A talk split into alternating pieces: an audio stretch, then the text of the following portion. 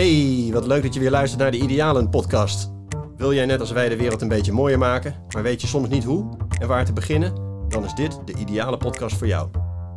In iedere aflevering gaan wij, Raoul Oei en Marnix Geus, in gesprek met ondernemers, veranderaars en wereldverbeteraars die op een dag wakker werden en gewoon van start zijn gegaan. Maar hoe doe je het dan, zo'n beginnetje maken? En waar vinden zij hulp? Hoe werken ze zich uit de diepe dalen en drassige moerassen en durven ze ook los te laten en erop te vertrouwen dat idealen soms hun eigen leven gaan leiden en op miraculeuze wijze alsnog werkelijk worden? De Ideale Podcast is geïnspireerd door het Ideale Boek. Hoe je jezelf verandert en de wereld. Te verkrijgen via www.thepresent.shop. Dit is alweer de elfde aflevering van de Ideale Podcast. En de eerste aflevering vanuit onze nieuwe eigen podcaststudio bij Paulientje.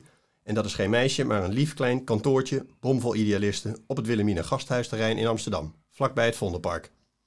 Het is ook de eerste podcast zonder mijn co-host en goede vriend Raoul Oei, omdat hij op het moment van opnemen net voor de tweede keer vader was geworden. Ik mis zijn uitbundige stem nu al, maar er staan toch drie microfoons klaar vandaag, want ik heb namelijk niet één, maar twee gasten tegenover me zitten. Twee sprankelende dames van het project Proud, trots dus, en in dit geval trots op leeftijd. Ze heten Michaela Bartels en Sevilay Maria van Dorst. En samen gaan zij de strijd aan tegen ageism, oftewel leeftijdsdiscriminatie. Dus eigenlijk houden ze een pleidooi voor oud worden zonder zeuren, want het kan iedereen gebeuren. Michaela en Sevilay brachten onlangs een weergeloos mooi koffietafelboek uit met 40 schitterende foto's van mensen op leeftijd die vol in het leven staan en hun tekenen destijds vol ver verdragen. De hoogste tijd om onze gasten te verwelkomen bij de Ideale Podcast.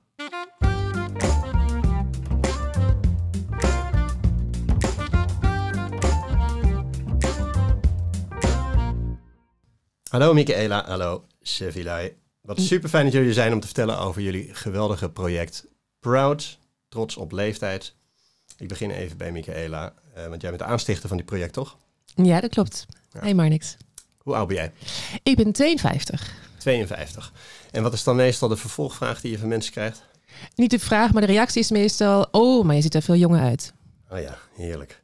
En heb je er ooit issues mee gehad? 30 geworden, 40 geworden, 50 geworden? Nee, oprecht nog nooit. Ik denk eh, eigenlijk al sinds vroeg heb ik elke jaar vooruit... zie ik als een vooruitgang, als een soort van betering van mezelf. Of een, ja, echt een stap vooruit. Ja, ben je wel een beetje uitzondering volgens mij, toch? Je hoort het niet vaak. Nee, dit, dit, voor al die grote decennia sprongen, daar kijken mensen enorm tegen op. Uh, en ouder worden aan zich is meestal ook niet een enorm positief getint gespreksthema. Nee, dat is een beetje een understatement volgens mij. ja. En Stefila, hoe oud ben jij? 39. 39. En binnenkort mama? Ja, ook. Ja. Heb jij issues met leeftijd of gehad? Nee, ik heb geen issues met leeftijd. Ik uh, ben wel door allerlei fases, denk ik, gegaan. Maar ja. sinds ik uh, zeker uh, bezig ben met dit project, omarm ik elke dag en elk jaar erbij. Maar ik zie het zeker wel om me heen dat meiden en ook mannen trouwens, die richting 40 gaan, daar moeite mee hebben. In één keer op middelbare leeftijd komen en dan, wat nu? Ja. Daar staan we eigenlijk toch wel verbaasd over. Omdat we zien dat ouder worden iets is wat je mag vieren en wat heel erg leuk is. Ja, en hoe komt het dan toch dat we hier zo gespannen mee omgaan? Dat heeft best wel veel redenen. Uh, we zijn in Nederland zeker niet de enige die hier een beetje gek over doen. We hebben het in Duitsland, in uh, Amerika, Canada, Noor Noorwegen, Zweden. Uh, vaak westerse landen en dan vaak met dat noordelijke stukje daarvan. Um, dat is ooit begonnen in de zestiger jaren. Toen ging de jeugd opeens het overnemen van de ouderen. En de jeugd was dan op eenmaal hip en happening. En dat hebben we eigenlijk nooit meer losgelaten. Alleen dat oud worden nu een hele andere kwaliteit heeft dan oud worden in de zestiger jaren. Toen ik ging stoppen met 65, wachten tot je dood ging en dat was het. Mm. Mensen die nu oud worden, die hebben een hele andere um, realiteit. Uh, veel betere realiteit uh, ter beschikking. Ja. Alleen dat de stereotypen, dus de, de, het beeld wat we van ouder worden hebben, nog steeds heel erg gebaseerd is op twee generaties geleden. Ja, dus, en dat is dus één we, van de redenen. We stoppen met werken, we kleden ons stoppen. een beetje Gewoon saai. Stoppen. We, we, stoppen überhaupt met alles. ontwikkelen en zo. Ja. Ja, maar dat is, is, dat is, dan kan je zeggen dat is een beeld of maatschappelijke druk, maar daar zijn we toch ook zelf bij. Dat is dus blijkbaar iets wat wij zelf ook doen. Absoluut. En dat in, in grote mate. En dat begint eigenlijk al ergens de twintig. Als je twintig bent, dat je dan op een gegeven moment opkijkt. Of nou ja, niet meer uitkijkt naar dertig worden. Of hè, dat ouder worden aan zich is zo. Er zitten zoveel nuances van, van achteruitgang, angst voor eenzaamheid, angst voor dementie, angst voor verlies. Aan vastgeplakt dat um, de, nou ja, de, de enige manier van ouder worden uh, jong blijven is. En jong blijven, wat dat met mensen doet, dat is, uh, nou ja, dan kan je iedereen om je heen een beetje aanwijzen. Of je ziet het bij je om je heen dat als je heel erg veel aandacht besteedt aan het jong blijven, aan het jonger zijn dan je bent, dan heb je weinig energie en ruimte om te kijken wat je dan wel met de jaren wil doen. Dat is een van de redenen waarom we Proud zijn begonnen. Omdat het hè, juist heel erg bij jezelf begint. niet de maatschappij aan zich het jou oplegt of het probleem vanuit daar komt. Nee. En, en als je het hebt over leeftijdsdiscriminatie, hè, in Amerika heet het ageism, geloof ik. Hè? Ja. Ageism, ik kende die term nog helemaal niet. Dus leeftijdsdiscriminatie, ook niet zo bekend hier eigenlijk. Wanneer werd jij daar voor het eerst zelf mee geconfronteerd?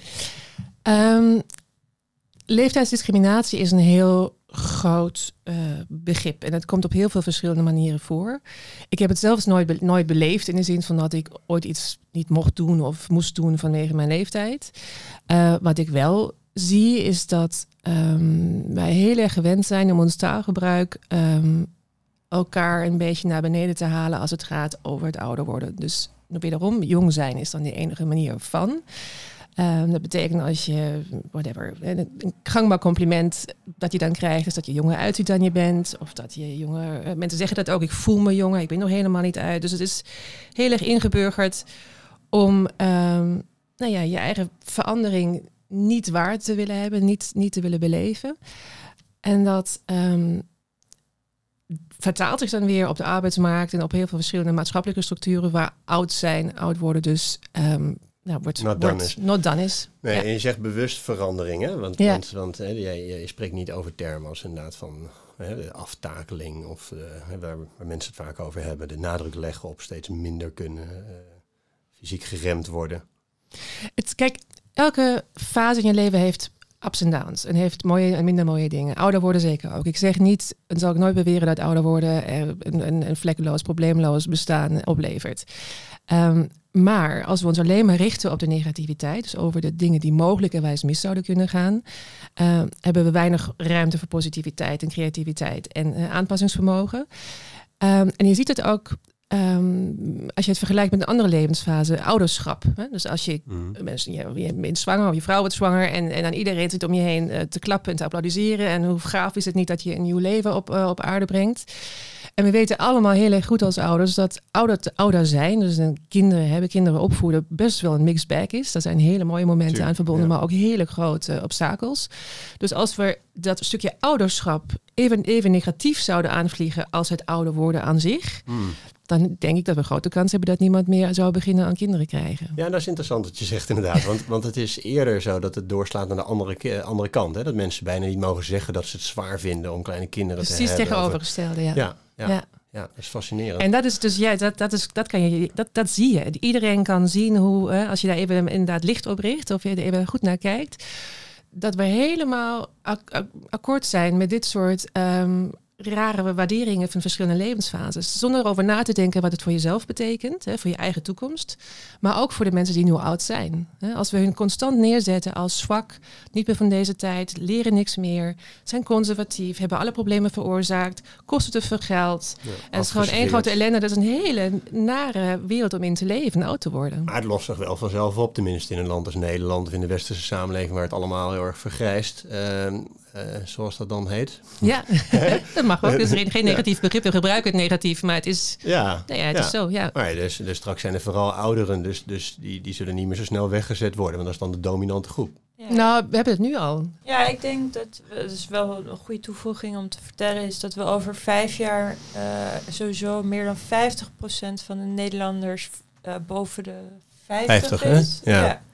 Dus dat is een hele grote groep. Ja. Dus uh, als je al vanaf je 60ste, 65ste oud wordt bestempeld, nou, dat is dan half Nederland. Ja. Dat is echt gigantisch. Dat is ongekend. Ja. Nee, ja, dat mag ik je wel toevoegen. Het oud worden bestempeld in de oude context. Mm. He, ik zou heel graag ervoor willen zorgen dat we oud weer zien als een positieve connotatie. Hè? Dus niet als iets wat, wat, wat ellende en eenzaamheid veroorzaakt, maar iets wat aan het, hè, aan het einde van je leven onderdeel is van je, van je identiteit. En dat daar heel veel mooie kanten aan zitten. Ja. Maar is dat ook niet in heel veel landen al het geval? Ik bedoel, ik, ik, ik, dat is ook een beetje aannames hoor, maar dan denk ik heel Zuid-Amerika, Azië, Afrika, is, is, leeft er daar niet veel... Is, hè, oudere mensen worden die niet veel meer gerespecteerd en gezien als de wijzen en... Uh, is het, hè, dus is het niet heel erg beperkt dan tot Noordwest-Europa, Amerika of zo?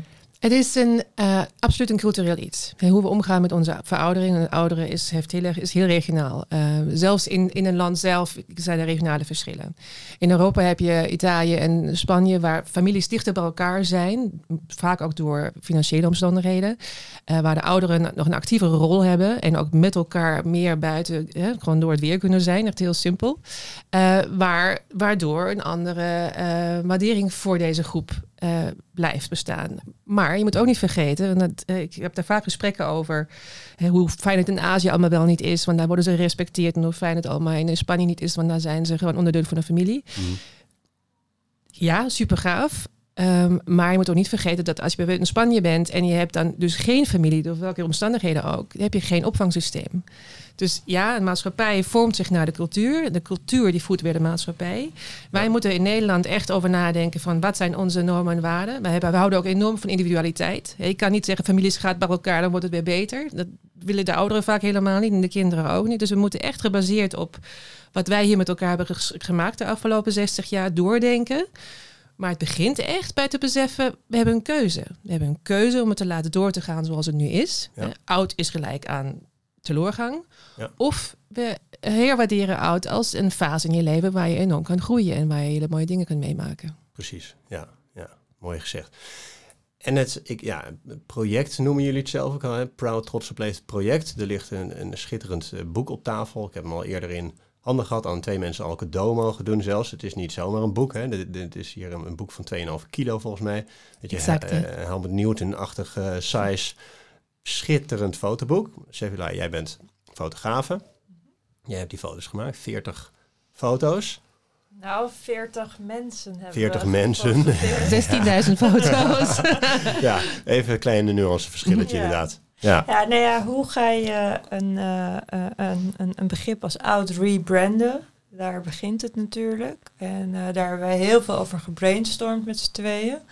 En dat is uh, zeker uh, een missie voor ons, om, dat, om die uh, term echt op een andere manier neer te gaan zetten. Ja. En we hebben daarvoor in eerste instantie nu gekozen in een boekvorm, fotografie, ja. geschreven tekst en dat te bundelen. En daarmee hopen we heel veel mensen te inspireren en het woord oud te herdefiniëren. Ja, en je zegt in eerste instantie, hè, want er volgt een expositie in de Hallen in Amsterdam. Ja. Uh, daarna in Hotel Arena. Ja. Dus er is een boek, er zijn exposities. Wat, ja. uh, wordt dit een beweging? Gaat, wordt het veel, gaat het veel verder dan een project? Of hoe kijken jullie daarnaar? Nou ja, we hebben, het boek is de eerste tool. En daarmee de exposities zijn de tweede. De derde zijn wij zelf, die uh, de boodschap natuurlijk uitdragen. Ook als, als sprekers op allerlei uh, congressen en conferenties zo mogen jullie gaan zien. Ja, en daarnaast staan wij helemaal open om met iedereen te praten die hier ook iets mee wil doen. En uh, samen een nieuw plan te maken hoe we dat gezamenlijk moeten gaan veranderen. Want wij kunnen dat natuurlijk niet alleen. Daar heb je elkaar voor nodig, daar heb je uh, ambassadeurs voor nodig, maar vooral ja, draagkracht. Ja, ja. Ja, en dat is natuurlijk ook precies de reden, want we kunnen hier natuurlijk eindeloos over dit onderwerp praten. Het is razend interessant. Jullie hebben ook echt wel wat, wat nieuws te pakken volgens mij. Uh, maar de reden dat, dat uh, uh, wij met jullie voor de ideale podcast ook in gesprek wilden, is dat er zijn ongelooflijk veel mensen die graag iets met hun idealen willen doen en niet zo goed weten hoe. Eh, dus we willen ook vooral echt praten over die, over die stappen. Van hoe jullie dan begonnen zijn, hoe je dus inderdaad, want je hebt het over ambassadeurs, hoe je hulp krijgt. Ehm, nou, dat begint misschien al, hè, jij, jij bent gestart, dus het begint al met hoe heb je SEF gevonden of kenden jullie elkaar al? Um, het zijn ook vaak een beetje toevalligheden. Hè? Dus je begint je te verbazen over dingen. ik in ieder geval de ervaring van ouder worden die ik persoonlijk heb, die ik positief ervaar, versus de algehele context waarin het wordt gepresenteerd. Ja. Ehm, ik, zit in de, ik zit gedeeltelijk in de zorg. Ik heb vaak te maken met mensen ook die overlijden. Dus ik zit heel erg juist in dat stukje wat mensen zo vrezen. En zelfs daar vind ik het niet eh, eindeloos kommer en kwel. Ehm, Want je bent opgeleid verpleegkundige. hè? verpleegkundige. Ik ben Je bij de NVVE als euthanasie, eh, nou, consulent voor euthanasie kwesties. Ja, NVVE is. De Ne- eh, Nederlandse Vereniging voor Euthanasie. Ja, precies. En ehm, dus het is, het is überhaupt het hele stukje levenseinde vind ik gewoon fascinerend. Punt één. Het tweede is dat ik dus eh, heb gerealiseerd dat ouder worden zo erg nog niet is. En waarom ben ik die enige die dat vindt? Nou, niet de enige, maar in ieder geval een van de weinigen. Ehm, vervolgens, en dan heb ik het echt over jaren later, want dingen zudderen soms een beetje door. Dacht ik tijdens corona, hoe leuk zou het zijn als ik gesprekken voer met oudere mensen. En dus laat zien wat, wat hun visie is op het leven. Nou, daar heb ik een website omheen gebouwd. Ehm, gewoon met WordPress kan je prima zelf doen, hoef je geen hulp bij te hebben. Ehm, eh, heb deze mensen gesproken, gevonden. Dat was dan de buurvrouw van de tante van mijn beste vriendin. Nou ja, gewoon mensen in de buurt. Ehm, heb ze gefotografeerd en dacht een beetje alle Humans of New York. Dit gaat, dit zijn zulke leuke verhalen, dat gaat geheid viral. Nou, dat was dus ook niet zo. Dus je zult ook zien dat bij elk project wat je begint, daar momenten komen van enorme voortvarendheid, maar dan ook van nou, verwachtingen die niet uitkomen of ideeën die gewoon achteraf helemaal niet zo goed lijken. Hoort er gewoon Mm. bij. Zeker. Ehm, en na een jaar had ik ongeveer 30 verhalen gepubliceerd. En ik had denk ik 150 volgers op Facebook. En dat Ja. was dan duidelijk af te zien met dat tempo. Dan zijn- ben ik ongeveer 2600 jaar oud. Als tot ik een beetje een following heb eh, ehm, kunnen etableren. Dus dat, dat, nou, dat, dat werkte gewoon niet. En ik, daar, nee, dan ga je dus op zoek. Wat heb ik nodig? Ik heb, het gaat over de oudere doelgroep. Dus misschien niet social media, misschien toch een, een, een klassieke medium. En misschien betere fotografie. Nou, dan heb ik dus een fotograaf bij nodig. En gelukkig, en dat moet je ook echt hebben, is geluk. Eh, was jij net klaar met een project Sevilij en hebben wij eigenlijk aan de keukentafel een keer gebrainstormd hoe zou het zijn? Want Als- Kenden jullie elkaar al? Ja, we kenden Ja. elkaar vanuit gewoon eigenlijk de horeca in Amsterdam. ja. Ehm, ik had met jou al echt acht jaar eerder een keer over dat thema gesproken, maar toen ging je naar Lesbos verdwijnen en, en we gingen een vluchtelingenwerk doen. ja. Ik me Ehm, nog. Ja. dus d- ja, soms gaan dingen zoals ze gaan. En het- je, je hebt gewoon bij dit soort projecten het grote, grote geluk nodig dat je mensen ontmoet die een hele eigen catalogus aan kwaliteiten ter beschikking hebben, die, die, die je zelf dan nog niet hebt, maar Mhm. die dan dus willend zijn om eigenlijk met dezelfde energie en met dezelfde ehm, overtuiging met je mee te gaan. En dat kan je van tevoren eigenlijk niet plannen. De samenwerking met Sevilij was voor mij daarin echt absoluut uniek. En eigenlijk nog steeds. Hè, dat je als twee zelfstandige entiteiten... Sevilij, je hebt, je hebt eh, hiervoor ook altijd je eigen projecten gerund. Dus dat was voor jou ook nieuw om zo samen te werken. Ehm, dat je vanuit die basis iets kan ontwikkelen. Maar we wisten twee jaar geleden niet dat dit het resultaat zou zijn. We Nee, dachten dat alleen maar boek. Ja, ja. Ja, en dat je nu in plaats van 150 volgers op Facebook zit je bijna 4000 op Instagram. Hè? En jullie zijn eigenlijk nog maar vrij recent bezig. Maar het idee is al veel ouder. Hè? S- eh, sorry, want ik, heb, ik zit nog even... Want, want Ja. vol- volgens mij kwam ik ergens tegen dat je al tien jaar geleden hiermee rondliep. Ik loop hier al twaalf jaar mee rond, ja, 12 in mijn hoofd. Ja. dat was echt op mijn 40ste verjaardag dat ik de eerste keer hoorde van... Oh, oh ja, maar je lijkt wel 32. Hm. En toen dacht ik, dat is toch wel gek. Ik heb acht jaar lang echt enorm mijn best gedaan om um, nu zo ongelooflijk cool te zijn zoals ik nu ben. En die pak je me zo'n één, één zinnetje, pak je me die af. Dat vond ik gewoon stom. En dat, ja, dat was het begin eigenlijk. Ja. Hoe suf het ook klinkt. ja. Om daarop in te haken, als je twaalf jaar geleden was gestart met Ja, dit project, was niet was gelukt. de timing Ja. eh, te pril geweest. Dus Ja. daarin zie je dus ook dat eh, eh, een goed idee heeft ook goede timing nodig. En dat is, ja, dat is, dat, dat kan je bijna niet eh, voorzien. Of Kan dat niet het plannen of zo. Ja, of het, dat het juiste moment is. Dus Nee. daar zit ook een stukje eh, bewustzijn van hoe staan we er nu voor met z'n allen? En is dit het moment? Nou ja, en dat bleek dus toen wij het lanceerden afgelopen maart. Dit is het moment om er echt over te praten. Ja, maar En dat de dat- wereld is er me klaar dunkt, hè, het aantal ehm, publicaties ook gewoon. Ja, de Of alle enorme media pers. van Nederland eh, over Ja. je heen gekregen, toch? Ja, ja dat was echt manier. een, dat was een rollercoaster. Een hele fijne. We zijn nog een klein beetje in een cold turkey fase dat we nog denken van hé, hey, waar zijn al die, waar zijn al die journalisten gebleven die nog en, eh, voor, de, in de, voor onze deur stonden. Maar ehm, ehm, dit, dit is, dit is wat het natuurlijk zegt, is dat het nu inderdaad de tijd is. Zo Ja. blijft dat mooi gezegd. Er is animo voor. Ehm, daarom wordt het gretig opgepakt. Dat heeft natuurlijk ook te maken met de kwaliteit van de fotografie. Dus je moet, je moet, als je iets wil bewegen, uiteindelijk toch iets creëren wat voor mensen aantrekkelijk is. Hè? Ja. Heel vaak worden verbetertrajecten eh, vormgegeven vanuit eh, de kritiek. Hè, Mhm. vanuit het moet anders, het moet beter. Hè. Er zit een bepaalde soort van boosheid soms achter. Of een bepaalde soort van ongeduld. Of hè, een, kritiek aan, aan, aan mensen of aan maatschappijen of zo. En dan wordt het een strijd tegen iets. En- Ja, maar dit, dit is- dan krijg je niet iedereen mee. En dat hebben we eigenlijk vanaf begin af aan eh, allebei heel duidelijk gevoeld. We moeten iets maken wat super mooi is. Eh, A, om de, de voordelen over ouderdom te ontkrachten. Maar B, omdat het ook dan, dan, dan willen mensen het aanraken. Ik heb, ik heb de aandacht nodig van iemand. En we zijn zo overladen met negativiteit met z'n allen. Ja. Eh, iedereen die het nieuws kijkt, ik word er helemaal gek van. Dus het, het, het was heel duidelijk voor ons, we moeten iets doen wat positief is. En niet vanuit de wijsvinger van jongens, jongens, jongens, als jullie niet eh, stoppen met dat gedoe over ouder worden, dan gaat het helemaal de verkeerde kant op. Maar juist, kijk nou wat oud zijn kan betekenen. Gewoon inspireren. Ja, inspireren. Ja. Dat was voor ons een hele duidelijke keuze. Ja.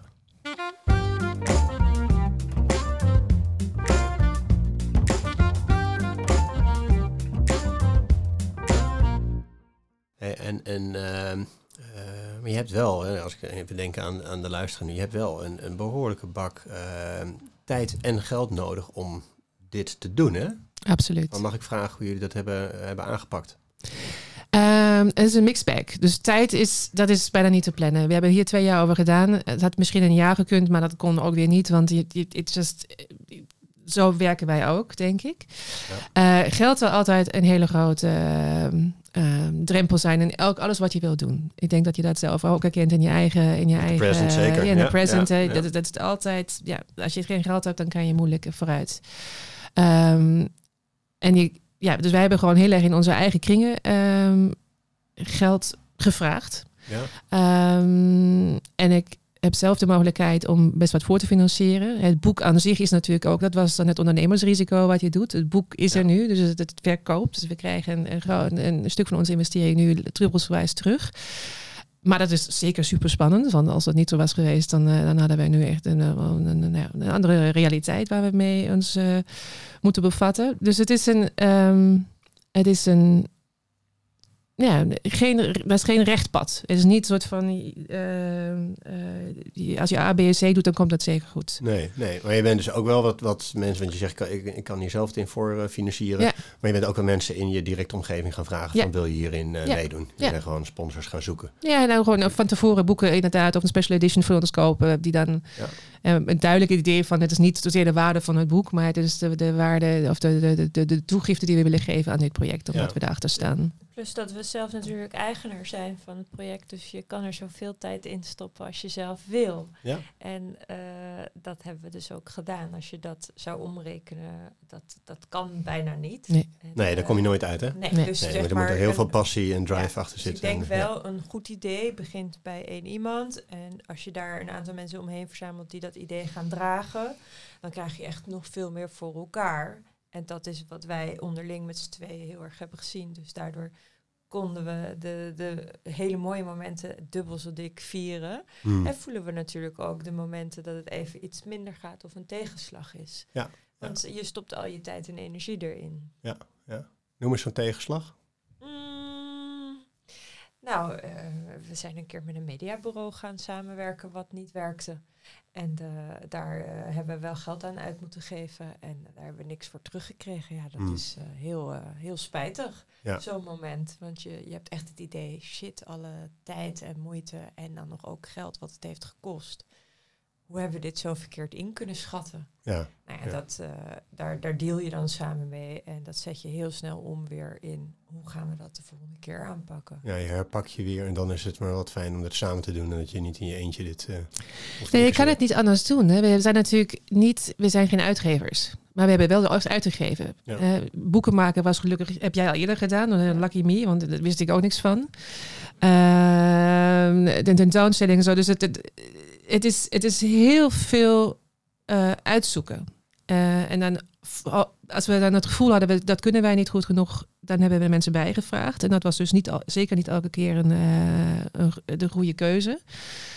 maar we hebben ook een paar mensen daarbij gekregen, zoals onze boekontwerper, onze tekstschrijfster, onze um, PR-dame Natasha Wieland, die, die, waren gewoon, die hebben het zo druppel, driedubbel goed gemaakt voor de, voor de paar keer dat we inderdaad een partij erbij hebben gevraagd die niet, niet, niet kon geven wat we nodig hadden. Ja, ja. zij zei stralend. Ja, ja het is, het is, en ik vind dat, ik vind dat, ik ben daar eindeloos dankbaar voor dat je, dat je mensen vindt vanuit hun eigen vak. Dus een vormgeefster bijvoorbeeld, die onze website heeft gemaakt en het boek heeft ontworpen. Die daar, het lijkt alsof het haar eigen project was, maar dan toch hè, de eigenaarschap heel erg bij ons laten. En dat is natuurlijk, dat die, zo iemand moet je hebben die met je mee wil gaan wel de eigenaarschap voelt, maar niet de behoefte om het helemaal van je af te pakken. Ja, wat je bij creatieve mensen natuurlijk wel soms kan tegenkomen.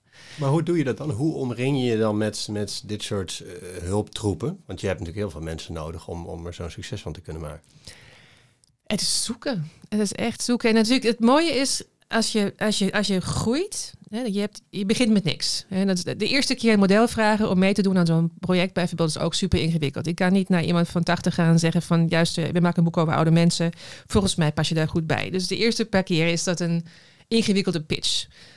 Maar dan begin je dus in, in je kennissenkring. Eh, de echtgenoot van een goede vriend van mij is 90 nou, een fantastische kerel. Uh, dus daar kon ik makkelijk uh, laagdrempelig eh, zeggen van doe je mee. Op een gegeven moment heb je daar drie of vier van. Maar een goede vriendin van hem deed mee. En die had ook weer een leuk iemand in, in, haar, in haar omgeving.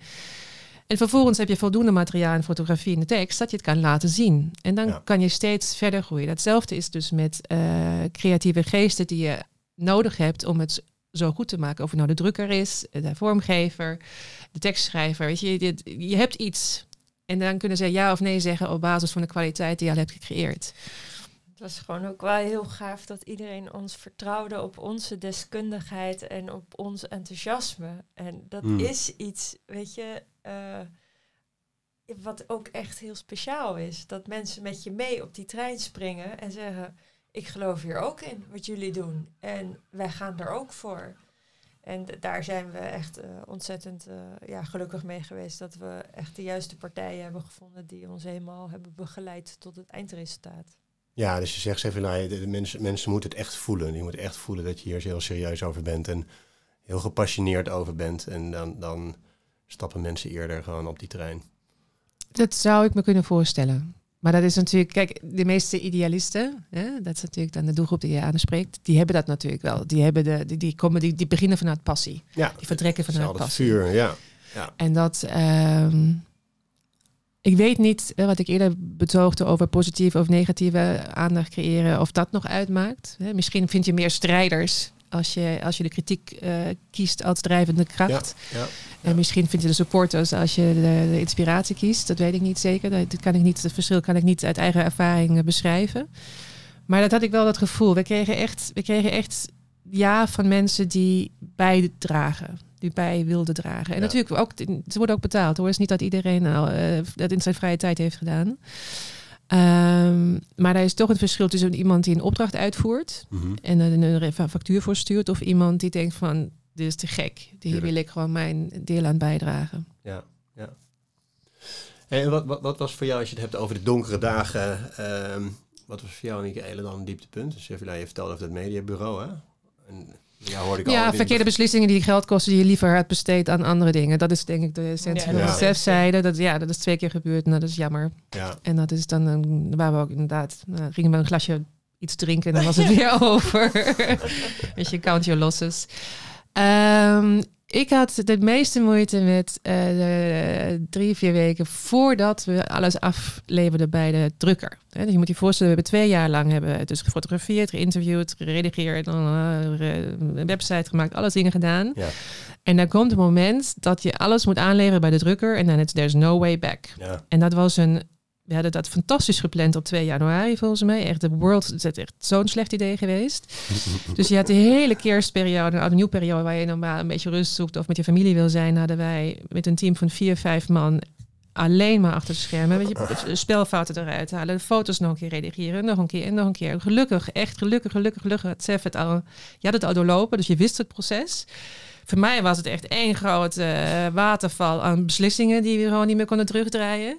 Tot de cover aan toe. We wisten, eh, je zou niet willen weten als je een boek maakt hoeveel beslissingen je moet nemen. Dat is echt niet normaal. Het is niet alleen maar de frontmaat en de, maar ga je de pagina's vernissen, ga je de lintjes in doen, hoe gaat het de cover voelen, is het wat voor een foliedruk gebruik je, maak je hem verdiept of niet. Nou, ik kan er eindeloos over doorgaan. En dat, vond ik echt is super spannend. Maar omdat het dan inderdaad in een fase was waar ik eigenlijk ook andere commitments had naar familie toe.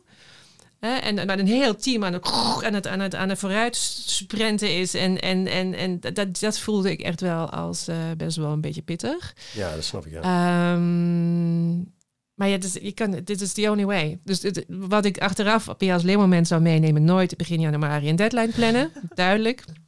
Uh, want dan heb je ook minder slecht geweten naar de andere mensen toe die dus ook geen kerst hebben en ook geen auto nieuw kunnen vieren op basis van wat jij hebt bedacht. Um, maar ik zou niet meer snel zo overstuur raken door het proces aan zich, omdat ik nu weet wat het allemaal beïnhoudt. Mm Als je de horizon ziet, dan kan je stappen plannen. Als je de horizon op je afkomt en je weet niet waar allemaal, wat, wat er nou allemaal tussendoor gaat gebeuren, dan wordt het een beetje enger ja, en stressvol. Ja. We wilden natuurlijk, naast dat we een mooi boek wilden maken, wilden we ook echt een kwalitatief bijzonder boek maken. Dus we liggen op de grens van een kunstboek. Ja. Uh, en dat is voor zo'n dikke pil best, uh, best uniek. Want de mhm. meeste dikke boeken zoals deze uh, worden echt in een productieproces gegooid om vooral kosten te besparen. Ja. Dus daarom kwamen er ook zoveel beslissingen op ons af, omdat we eigenlijk geen concessies wilden maken. We willen als mensen dit boek oppakken, dat ze er echt even in gaan en induiken. En ja, echt weer in verliezen gewoon. Ja, ja. en dat, uh, dat begint al met een soft touch aan de buitenkant en die uh, verdiepte foliedruk waar uh, Michaela het over heeft, de linten. maar ja, over elk detail is dus nagedacht. En waar verkopen jullie ze? We hebben natuurlijk onze eigen website, www.prmanageroud.com. Um, je kan het gewoon online kopen bij, bij de grote jongens. Ehm, liever niet, maar bij ons is het fijner. Uh, en we hebben ongeveer 30 boekenwinkels waar ze in grote stapels liggen. Um, en dat vond ik trouwens even weer een highlight. dan heb je het gemaakt. We hebben geen uitgever. We zijn, geen, nou ja, we zijn nu uitgever, maar we, hebben daar geen contacten. Dus ik ben dan echt met mijn autootje met dozen vol met boeken naar allemaal boekwinkels gegaan. En de, de, de, de, de reactie van deze mensen we werden gewaarschuwd dat boekwinkeliers niet vooruit te branden zijn en de meest inspiratieloze mensen op aarde. Nou, ik heb echt een compleet andere belevenis van, dit, uh, van deze situatie meegemaakt. We werden echt overal met warme handen, uh, met warme, uh, open armen, met open armen ontvangen. Waarschijnlijk ook een beetje door de media-aandacht. Mensen zagen het op tv, mensen zagen het, hoorden het op de radio, mensen zagen het in, in de kranten en de tijdschriften. Maar het is dus ook voor een boekwinkelier, die ziet ook dat het echt een heel mooi boek is. Uh, en het is een thema wat iedereen aanspreekt. Ja, er zijn toch vaak mensen die 50, 60 jaar oud zijn en zich eh, afvragen wat ze na de pensionering wel of niet gaan doen. Dus een boek vol met mooie beelden over oude mensen en mooie verhalen van oude mensen is ook voor deze, nou, voor deze personen, hè, voor deze boekwinkeliers, en iets wat heel dicht bij hun hart ligt. Eigenlijk veel meer dan een kookboek zou kunnen of een weet ik wat fotoboek over de westelijke Sahara. Ja, ja. Nou, en heel veel, heel veel boeken zijn natuurlijk ook wel wat meer inwisselbaar en zo. Het is best wel een uniek uh, project. Ja. En dus een onderwerp waar nog heel weinig aandacht aan is besteed. We hebben heel veel, echt, we hebben, ik vond dat echt uh, bijna magic hoe, hoe, wij zijn ontvangen door de boekwinkeliers. Ja, ja. bijna magic. Ja. ja. Heb je meer magic ervaren in het project? De contacten met, uh, ja, de contacten met deze mensen die we hebben mogen fotograferen. Ik heb echt, ik wist natuurlijk dat daar heel veel te halen valt in, in, in levenswijsheid of in uh, zelfs verbindenis, denk ik ook. Maar wat we echt hebben meegemaakt met deze mensen, die, of het nou Ed Spanjaard is, de dirigent, of Hubert Jan Henke, de architect, of uh, Hugo Heijmans, de kinderarts. Het is allemaal. We hebben zoveel vertrouwen gekregen. Hè? Van hun. En daar zijn zeker, nou, ik denk de helft hebben wij regelmatig contact nog mee. En daar zijn ook echt een stuk of 15 van de vrouwen waar ik een soort van vriendschap mee aan het bouwen ben. En dat is mm. natuurlijk, hoe, wie heeft nou vrienden die 30 jaar ouder zijn, weet je? Dus ik vind dat echt een enorm voorrecht. Ja, maar dat is ook interessant. Dat zeggen jullie inderdaad ook, hè? Van buiten je familie om. Ja. Er zijn natuurlijk uh, gewoon eigenlijk heel weinig uh, contact tussen generaties überhaupt, hè? En ook echt bewust. Hè? Want je kijkt naar de ouderen en denkt van ja, suf heb ik geen zin in. Ik, wij, veel mensen kijken naar jongeren en denken van ja, die heeft, wat moeten we daarmee? Dus het is super jammer. En als Proud mag bijdragen ook aan dit stuk, dat we tussen de generaties in beseffen dat we in, in, in nabijheid van elkaar echt de leukste dingen kunnen meemaken. Je ziet het bij, bij bruiloften vaak. Dat is leuk, want daar zitten alle generaties bij elkaar. Daar wordt op een gegeven moment gedanst mm. en iedereen heeft het onwijs naar zijn zin. Ja, Fast forward naar een, een of ander festival op een, een of andere buitenwijk van Amsterdam, waar alleen maar 20 tot 30ers zijn. En als je daar als 50 tussen durft te staan, dan krijg je de hele tijd nou ja, een soort van complimenten over het, hoe leuk het wel niet is dat je ook nog komt. Dat u, dat u ook nog komt. ja, dat u ook nog komt. Dus het, het, is natuurlijk heel gek dat we, dat, dat, dat, dat we vinden dat, dat ja, het samen zijn beperkt is tot een hele uh, monocultuur van leeftijden. Het is veel leuker om dat te mixen.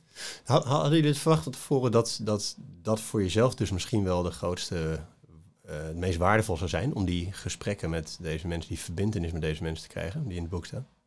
Nou, ik had het gehoopt.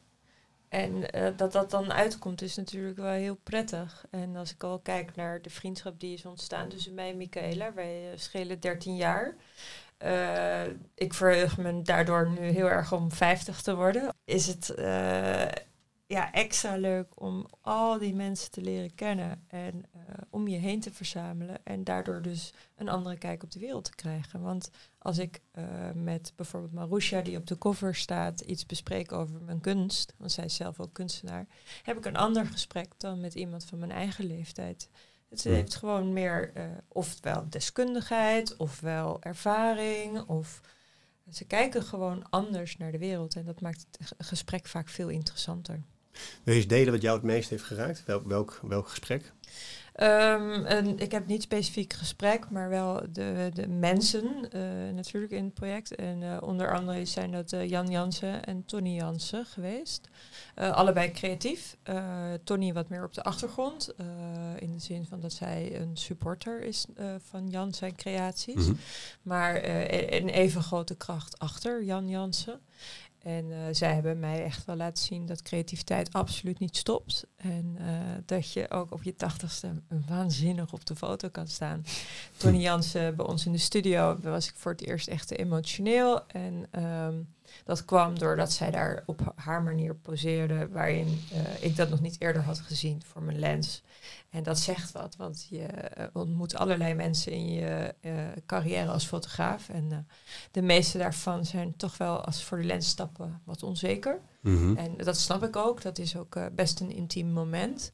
En hoe Tony Jansen daar zo stond en haarzelf helemaal blootgaf en overgaf, dat was voor mij uniek en te gek om mee te maken, ook in mijn carrière.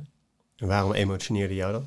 Um, nou ja, dat je dus op je tachtigste er nog veel cooler en toffer en te gekker uit kan zien en over kan komen dan iemand die denkt dat ze het al helemaal heeft begrepen op haar 25ste en supermodel is. Ja. Ja. Dus het is uh, een heel groot verschil van uh, zekerheid.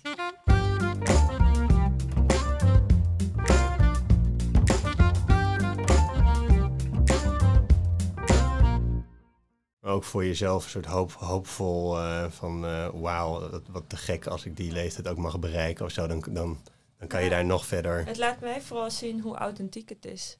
En um, ja, tuurlijk hoopvol en leuk, maar het laat gewoon vooral zien hoe meer je jezelf bent, hmm. hoe fijner je oud gaat worden. Ja, ja. wauw. Op de achtergrond komt hier over het uh, Jacob van, op de Jacob van Ledde kanaal is dit. Er komt hier een bootje voorbij. We horen af en toe gezellig wat uh, geluiden hier uh, van de Amsterdamse binnenstad. Dat is alleen maar leuk, toch? Een beetje de omgeving daarbij. Ja, hey, en Michaela, wat, wat, is, wat komt bij jou als eerste in je op? Wat, welk, welk gesprek of welke ontmoeting de meeste indruk op je heeft gemaakt? Er zijn er echt wel een heleboel. Uh, ik denk dat ik uh, met name ook de relaties die we hebben mogen meemaken. Dus tussen uh, Kees Holtkamp, onze koning, met zijn vrouw Petra. Jan Jans en Tony Jans inderdaad, wat Sef zei. Of Hubert Jan Henkert en zijn vrouw Lily. We hebben een paar stellen daarbij. En de toewijding en de liefde die 50, 60 jaar heeft mogen groeien. En dat is natuurlijk geen garantie. Hè, weten we ook allemaal. Maar ik heb het nu bij deze stellen gezien. En ik vind dat een waanzinnig um, waardevol iets om hebben meegemaakt. Mijn eigen, mijn eigen familie heeft dat totaal niet. Bij ons is iedereen gescheiden en haat elkaar. Dus ik, ik, ik, Mhm. vind, ik vond het echt een, nou ja, een hele mooie visie voor de toekomst. Om te zien hoe dat voelt. Om, nou ja, om te zien hoe het voelt. Om het mee te maken hoe het voelt als je in harmonie en echt in toewijding, in aandacht met elkaar eh, mag oud worden. En dat, eh, dat, ja, dat vind ik een waanzinnig mooi voorbeeld. En daar ga ik absoluut ook iets mee doen in mijn eigen relatie. En eh, in, de, in de wereld, in mijn eigen familie waar ik in zit. Wat ga je daarmee doen? De aandacht daarvoor hebben. Eh, dat, dat, dat, het is natuurlijk het mooie met deze verhalen die we hebben opgetekend. Of de ontmoetingen die Sef en ik nu in, in echt hebben gehad. Je ziet gewoon hoe dingen goed werken. Omgaan met tegenslagen is er eentje van. Koesteren van je relatie is er eentje van. eh, verbonden blijven met mensen om je heen. Nieuwe con- connecties maken. Dat kan, ik dat, nou ja, dat kan heel groot. Maar we hebben dus van heel dichtbij voorbeelden mogen meemaken. Hoe, hoe dan wel? En dat geeft mij zeker, maar TechSef ook, een soort van grote werktuigkist met, eh, met how-to's en met, met Ja. ideeën van hoe ik het zelf wil. Want oud worden gaat zo vaak over de dingen die we niet willen. Maar ik zou het graag om willen draaien naar, naar, naar een gesprek van... Maar wat wil je dan wel? Weet je, wat is belangrijk voor je? En hoe zorg je er zelf ervoor? Het begint toch echt altijd met jezelf. Dat het ook eh, kans maakt. Hè? Dat het uitkomt. Daar zijn geen garanties, dat weten we ook allemaal. Je kan van alles roepen. En ik weet ook niet hoe ik omga met tegenslagen. Maar ik weet wel dat ik bovengemiddeld eh equipped ben... om daar wel mee om te gaan. Omdat ik het heb gezien hoe het werkt. Ja, door dit project. Door dit project. Ja. Door deze Ja. gesprekken. Ja. Dus dat is toch wel het grootste cadeau uiteindelijk aan jezelf Absoluut. door dit te doen. Absoluut. En daarbij dat betekent, ik heb best wel mensen om me heen uit die generatie eh, voor mij. Dus mensen 60 zijn 80 plus min. En ik zie hun struggles ook. En het is niet dat ik nu de wijsheid te pakken heb en, en, en zeg van nou, maar als je een beetje hier schaaft en een beetje daar schaaft, dan komt het allemaal wel goed. Het is een, we moeten beseffen dat het echt een heel lang proces is. En je moet eigenlijk al op je 60ste, op je 50ste over nadenken wat belangrijk voor je is en ervoor zorgen dat het in je leven blijft. Mhm. Hè, als je dat niet doet, dan haalt het leven je eigenlijk in. En opeens hè, zijn inderdaad heel veel vrienden weggevallen. En dan kan van alles gebeuren. Of je lichaam doet moeilijk. En als je dan geen plan B hebt, of soort van daarvoor hebt gezorgd dat, dat, dat hij daar een klein beetje controle over houdt, is het vele malen moeilijker om daarmee om te gaan dan als het je zomaar even overkomt. En je plan B dan voor hè, het voorbeeld wat je geeft van mensen die om je heen steeds vaker gaan wegvallen, Ja. is investeren in nieuwe vriendschappen ook. Bijvoorbeeld. Ik heb net van, vanochtend met mijn stiefmoeder gesproken. Mijn vader is overleden in eh, december vorig jaar. En zij is, het gaat niet goed met haar. Zij is eenzaam. En zij, eh, zij is overweegt nu naar een kliniek te gaan twee weken om, om haar psychische gesteldheid weer op te laten krikken. Maar als je dan doorvraagt, wie zie je dan? Wat, doe, wat, wat, wat, wat, wat zijn je plannen? En hij zegt, ja, nee, maar ik ben lui. Zeg, Ja, maar dat, dat kan niet. Je bent een super sociaal wezen. Ik ken haar best goed. Ik mag haar enorm.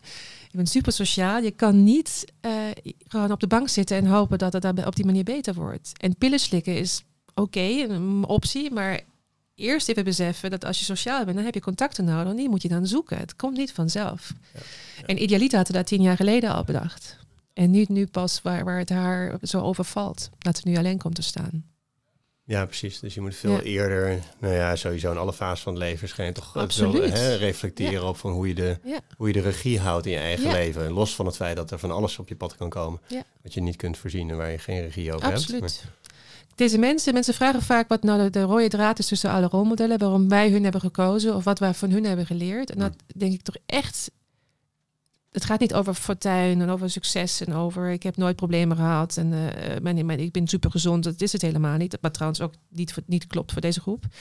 Maar wat ik echt heb eh, van dichtbij gezien is de mate van stuurmanschap. Dus als je het gevoel hebt dat je vanuit passie of vanuit eh, levenservaring en reflectie op jezelf de juiste beslissingen kan nemen van hoe nu verder.